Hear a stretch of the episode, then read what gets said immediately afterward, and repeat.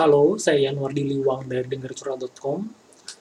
Selama periode di rumah aja yang kita lakuin beberapa waktu ini, kita bisa ngelihat suatu fenomena aneh yang terjadi, di mana ketika orang-orang yang biasanya suka bilang mereka sibuk, mereka gak punya waktu, segala macam, ketika tiba-tiba dikasih waktu luang yang banyak, kayak sekarang, mereka justru nggak tahu mau ngapain.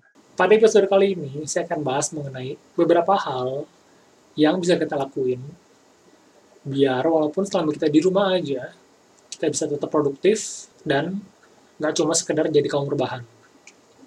Simak pada episode kali ini. Hal pertama yang bisa kita lakuin biar kita tetap produktif walaupun kita di rumah aja, pertama itu adalah kita bisa belajar skill atau hal-hal yang baru, kemampuan yang baru. Contoh misalnya, sebelumnya Anda nggak bisa masak, ada baiknya Anda manfaatin waktu luang yang kita punya sekarang untuk belajar masak. Atau misalnya, Anda kepingin untuk bisa belajar melukis atau bikin komik. Ya manfaatin aja waktu luang yang Anda punya sekarang buat ngelakuin hal-hal tersebut.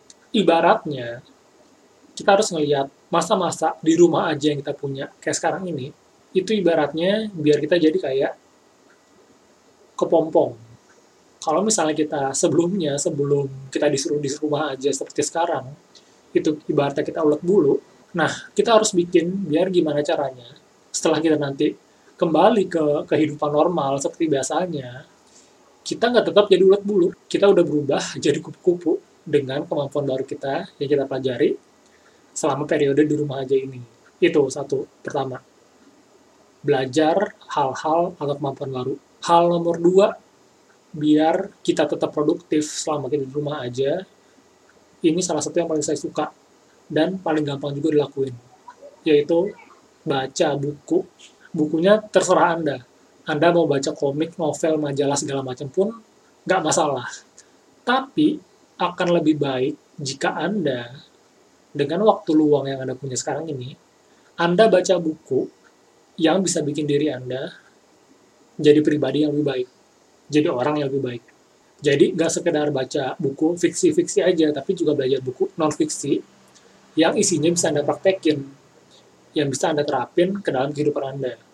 Coba baca-baca buku pengembangan diri atau biografi misalnya, yang bikin diri Anda setelah baca buku tersebut jadi kepengen gerak, kepengen mulai lakuin sesuatu, untuk bikin diri Anda ya sama seperti yang di poin pertama tadi jadi lebih baik setelah keluar dari periode di rumah aja ini. Beberapa judul buku yang saya rekomendasiin buat Anda baca antara lain The Subtle Art of Not Giving a Fuck dan Everything is Fucked Up oleh Mark Manson dan The Courage to be Disliked atau versi Indonesia-nya judulnya berani tidak disukai oleh Ichiro Kishimi. Nah, hal ketiga yang bisa kita lakuin buat manfaatin waktu luang yang kita punya adalah dengan ngelakuin hal-hal yang selama ini harusnya Anda lakuin atau kepingin Anda lakuin, tapi selalu Anda undur-undur dengan alasan Anda nggak punya waktu. Sekarang, Anda udah nggak punya alasan itu lagi. Udah ada banyak waktu di dalam hidup Anda sehari-hari waktu luang yang bisa Anda manfaatin untuk melakukan hal tersebut. Tentu pasti masing-masing dari Anda punya sesuatu yang pengen Anda lakuin, tapi selalu diundur-undur dengan berbagai alasan. Pada periode seperti ini, manfaatin waktu yang Anda punya untuk melakukan hal tersebut. Nggak pakai alasan lagi. Nah, salah satunya, salah satu halnya yang saya saranin untuk Anda lakuin mulai sekarang, apalagi terutama karena virus corona ini, kita perlu jaga kesehatan, yaitu olah raga. Saya yakin kalau misalnya Anda pekerja kantoran, jika Anda pekerja kantoran yang dari pagi sampai malam kerja, terus alasannya sibuk buka punya waktu buat olahraga, pakai waktu luang yang Anda punya sekarang untuk mulai olahraga. Jaga kesehatan Anda, bukan hanya sekedar karena saya bilangin Anda pada video ini, tapi karena kalau Anda ingin jaga kesehatan diri Anda dari virus corona, Anda perlu lakuin yang namanya olahraga mulai dari sekarang nggak pakai alasan lagi. Nah, satu hal tambahan yang mau saya kasih untuk Anda, kalau misalnya tadi uh, saya udah kasih tiga hal yang perlu kita lakuin untuk manfaatin waktu luang. Saya mau kasih satu tips tambahan, yaitu hal yang justru nggak perlu Anda lakuin, yaitu berhenti nonton berita. Mungkin sekarang Anda mikir, kok saya malah disuruh berhenti nonton berita? Padahal kan kita lagi di situasi kayak gini, harusnya perlu dong informasi segala macam. Benar, tapi bukan berarti Anda harus selalu mencekoki diri Anda 24 jam sehari dengan berita-berita yang ada. Nggak perlu. Nggak perlu berlebihan sampai seperti itu. Kenapa?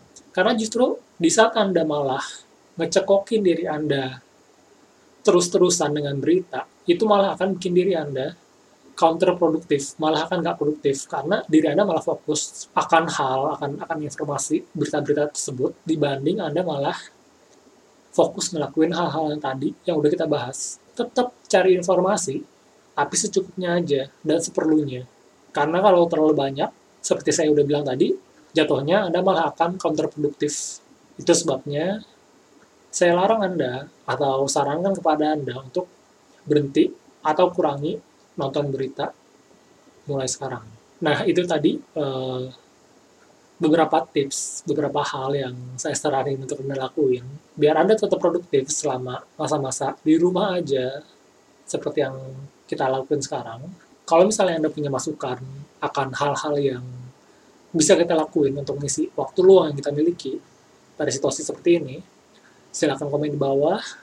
Kalau misalnya Anda punya request akan hal yang Anda ingin saya bahas untuk episode berikutnya, kasih tahu juga dan ingat untuk tetap selalu jaga kesehatan dan kebersihan diri dan lingkungan Anda, dan sering-sering cuci tangan. Saya Yanwar Diliwang, sampai jumpa pada episode berikutnya.